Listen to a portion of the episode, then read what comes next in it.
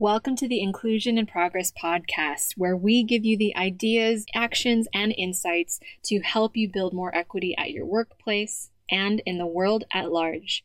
I'm your host, Kay Fabella, international expert on diversity, equity, and inclusion, a Filipino American living in Spain, and your guide in navigating this DEI journey. Having worked with teams at companies such as Philips, the IMF, Red Hat, PepsiCo, and more, I know firsthand that the work of inclusion only works when everyone has a seat at the table. Regardless of your personal entry point into this conversation, your race, ethnicity, gender, ability, age, sexual orientation, country of origin, or educational background, we all have a role to play in creating inclusion for all. And it starts with us having conversations we need to create the change we wish to see. So let's dive into today's episode.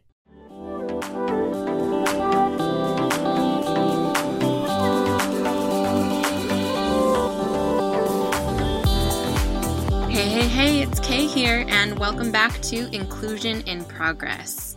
Now, I really hope you enjoyed last week's guest episode as much as I did recording it.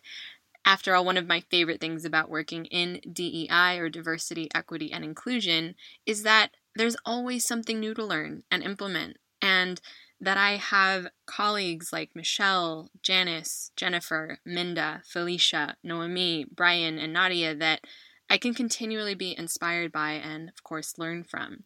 I consider them peers as well as my at a distance mentors who are constantly, by example, challenging me to grow. And I'm so grateful that they've all been generous enough to share their insights on this podcast. Now, if you haven't already, please let me know which of these guest episodes you've listened to and you've liked best so far by sending us an email to info at kfabella.com or, of course, adding me on LinkedIn and sharing it with me there.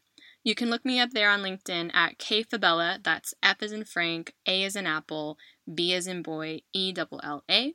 And be sure to let me know in your request message that you found me through this podcast. And of course, bonus points if you let me know as soon as we connect who your favorite guest has been so far. I'd love to know. Now, before we dive into today's episode, I really want to take a moment and just reflect on the year so far 2020. Husa. it's been all of the things the seven layer cake of emotions 24 7, the never ending series of one two punches that keep trying to knock us down every time we finally seem to get back up on our feet. And to me, the way that I've been approaching it lately is that 2020 has been the year of yes and. Yes, we're experiencing a global pandemic. And I'm seeing more examples of human resilience, of compassion, of innovation that don't always make the news.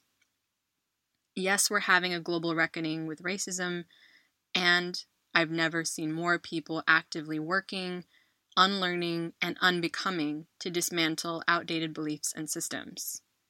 Yes, we're quarantining and unable to travel to see loved ones, and I'm finding moments of gratitude in sitting still, reflecting, and not taking anything for granted that I used to before. One truth does not negate the other. Navigating the territory between both yes and and can humble, can hurt, or heal. The challenge for all of us then is just sitting still long enough to understand the layers of each moment as they present themselves to receive the lessons that that particular moment in time is there to teach you. And as my good friend and former visibility coaching client Seppi says, 2020 is definitely not what we expected, but maybe it's what we needed. And whoo, doesn't just make you want to throw up that prayer hand emoji? Talk about a whole word. So, whatever moment this podcast finds you in, whether you're sneaking a listen in on your morning nature walk with your dog to get away from just the busyness of your day to day, whether you're playing this in the background while cooking for your kids in the kitchen, or you're tuning in to avoid fighting your own feelings of overwhelm for just a few minutes, I'm sending you strength and resilience for you as you navigate the ever shifting land of yes and for this year and in the years to come. As I've often said on this podcast, clarity is on the other side of discomfort. And sometimes the discomfort is having to move away from polarities and toward the gray area in between, suspended between two things that are true at the exact same time. Which leads me to the topic of today's episode where DEI has failed and how to avoid it. Now, if you've been listening to this podcast for a while now, you know I always try to find some type of silver lining or sliver of hope in this work to keep you and me going. And that brings me back to this idea of yes and. Yes, the need for diversity, equity, and inclusion in companies and in the world at large has become more apparent than ever in 2020. And there have already been folks, just like the ones you listen to as guests on this show, that have been doing and leading this work at companies for years trying to have the very same conversations about equity and inclusion we're having today as far back as 10, 20, or 30 years ago. But here's the good news DEI practitioners, consultants, facilitators, and strategists have all been putting in the reps for a moment like this, for a time where the skills and expertise that we've cultivated would be needed in mass, and companies and leaders would be poised to listen like they are now. And as we've been holding space for one another behind the scenes, checking in and making sure we're all supporting one another in this work, one common thing that comes up in our conversations is how do we sustain this moment and keep the movement going on diversity, equity, and inclusion with companies and leaders? To me, the answer is simple look back to move forward, which hinges on us understanding what has and hasn't worked to inform how we keep this work going with our clients. So, based on my own research and my conversations with inclusion minded leaders at companies, here are the ways DEI has failed in the past in order to help us avoid it to truly build inclusion at work. The first thing is thinking diversity works without inclusion or equity. Now, most companies at the start of their DEI journey immediately point to the need for more of insert underrepresented minority group here at their company. Although diversity efforts should be concerned with representation at work, in leadership, and of course across the company as a whole, Diversity efforts should not be confused with creating an inclusive environment. And an inclusive environment does not simply mean that people from various groups thrown together will somehow magically make everyone feel included and encouraged to bring their best selves to work. So, since inclusion doesn't happen on its own, how can we design for it to exist and thrive? we have to look at what inclusion means for both individuals from underrepresented or historically excluded groups and for individuals from non minority groups. Now, it's great that companies are focusing on how they're being held accountable in regards to diversity, but the same needs to happen in terms of creating inclusive environments at work. Diversity focused recruitment efforts may bring individuals from the diverse backgrounds that you're looking to bring into your company into the door. But if the environment is not inclusive, will those individuals actually stay? When people are allowed to have a voice and a seat at the table, inclusion, while knowing there are systems in place to make sure everyone has an equal opportunity to succeed, equity, an organization will be able to attract people from all walks of life, diversity, which means that if you focus on inclusion and equity first, diversity will come.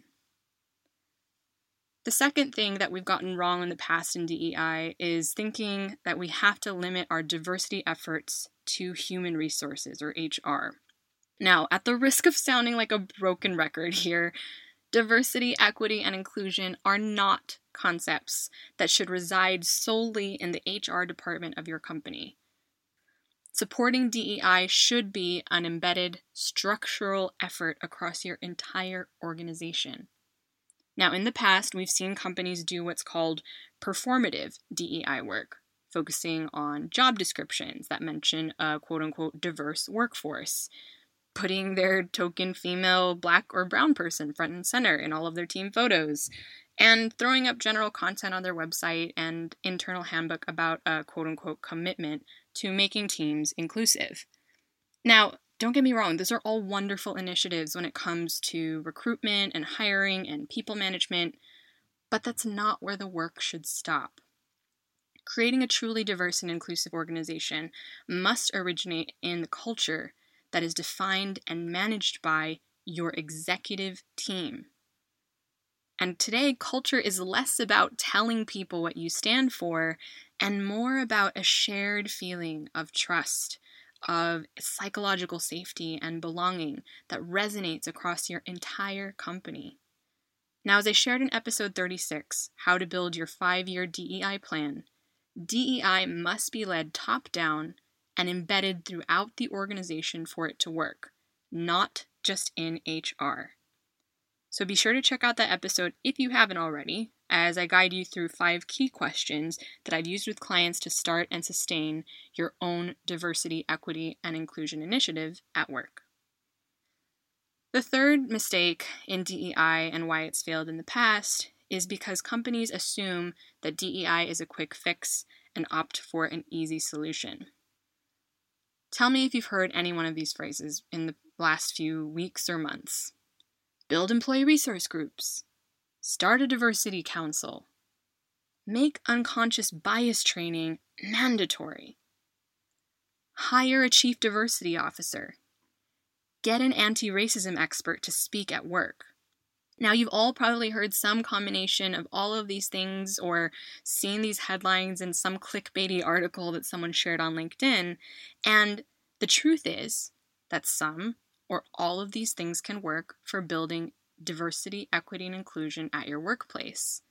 And every single one of them can be powerful. But the challenge is that most of these are implemented, quite frankly, ineffectively especially where there isn't a structural, long term approach to help employees and leaders reinforce the lessons they've learned. Unconscious bias training, for example, isn't always effective or sufficient to ensure bias free hiring, promotion, and people management at work. Put it this way As you know, I am an American who has called Spain home for the last 10 years, and I am bilingual, but I promise you, learning Spanish was not an easy task. so imagine you were in my shoes at the start of my own language learning journey. If I asked you to speak a language like Spanish tomorrow, you wouldn't expect to be able to just download an app, listen to it once, and then say, Woohoo, I'm fluent. You'd come up with a game plan. You'd establish what you wanted to learn Spanish for and create a vision for yourself of what knowing that new language would mean for you personally and professionally to keep you motivated. Then you'd establish your commitment and set some timelines for learning Spanish every day. Maybe you've learned Spanish in high school and you need to dust it off. Or maybe you're just starting from scratch as an adult learner. Depending on this benchmark or starting point, you'd consider your options. Maybe it's buying an audiobook, signing up for a group class, or listening to a podcast, whatever fits into your schedule and whatever you have time for. Then, as you started learning and adding more vocabulary and grammar and all the fun bits and bobs that make you sound a little bit more fluent, you'd start watching movies with subtitles at first and then maybe without subtitles eventually. Or maybe you'd start reading articles from more complicated themes or issues related to your industry in Spanish. Then, as you advance your skills, you might even consider, say, a local language exchange, or if you've got the time and resources to do so, and also, caveat, weren't in a pandemic, you may think of investing in a language immersion in another country. Now, none of these language learning methods are wrong on their own. All of them can be powerful.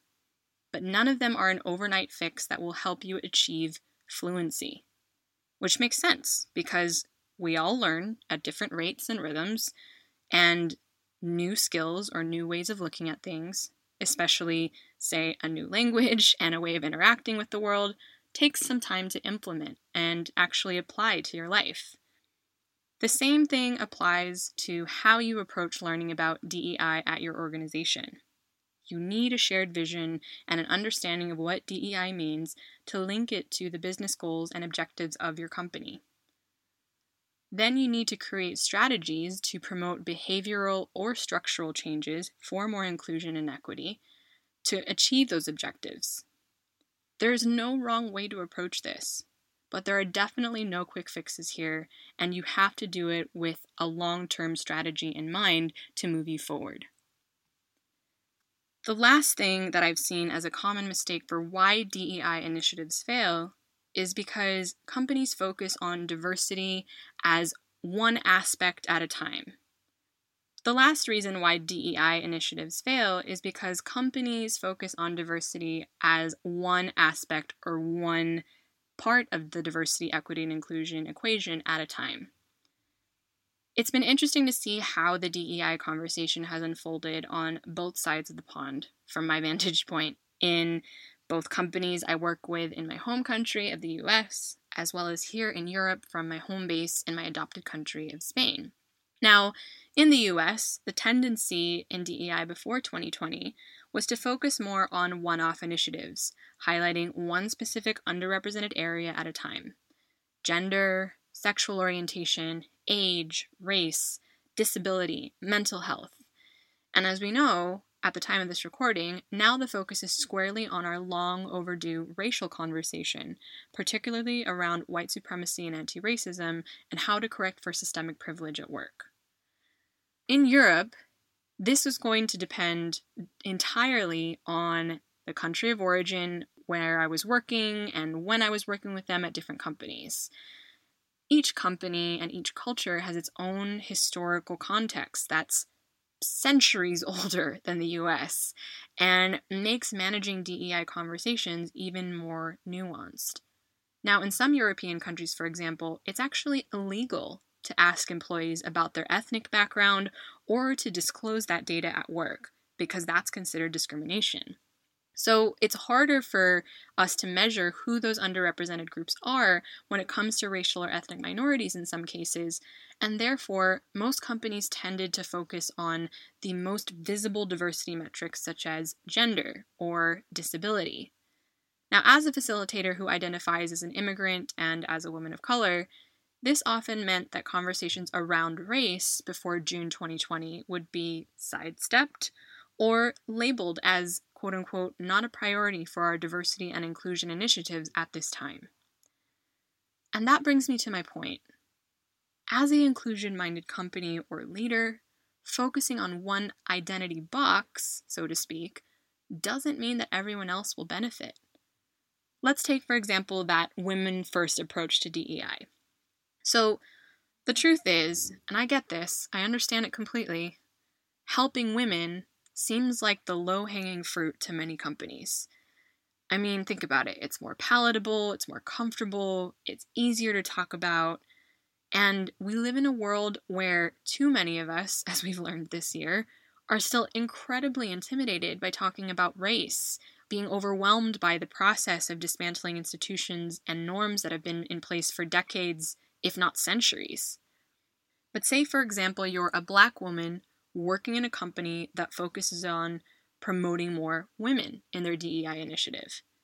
Now, the message you're receiving is well, yes, we care about part of your identity, but that race conversation will circle back to that when it's more convenient. Even when black women have a larger gender pay gap than white or Asian women do. That's why intersectionality in DEI is so important. Now, while many great DEI initiatives do start with these small steps or micro actions, asking people with multi hyphenate identities of marginalization to wait their turn doesn't do anything except exacerbate or lead to further inequity. Now, consider What about our disabled or neurodiverse employees at work? Or our older employees?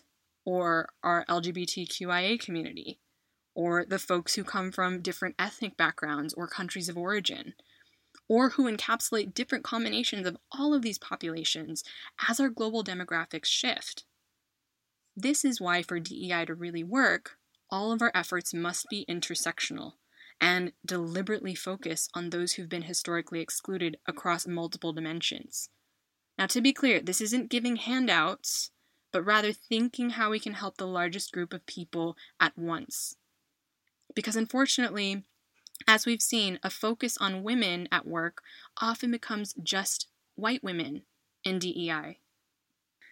Now, the key to remember is if we can remove the obstacles for those who are most unfairly held back at work and by our society at large, then those in the middle get automatically uplifted too.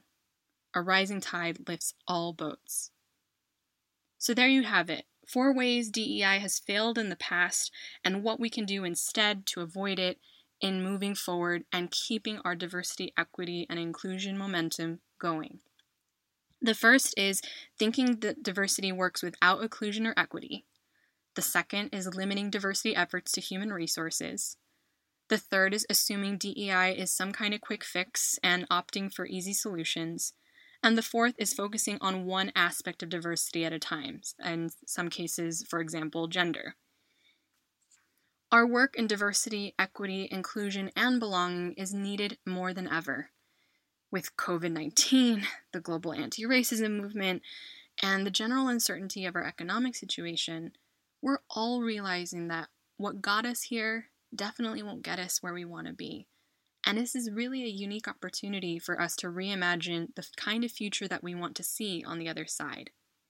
It's my sincere hope that these questions and considering these different mistakes and where we fall in short in the past in DEI work will help guide you no matter where you are in your organization or on your own DEI journey to lead these conversations.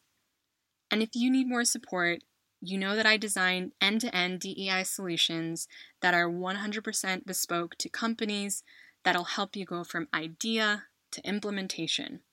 Whether that's a one off DEI vision planning or strategy call, a specific lunch and learn series on remote team management, anti racism or allyship, or mapping and implementing your very own five year DEI strategy to position your organization for success and as an employer of choice.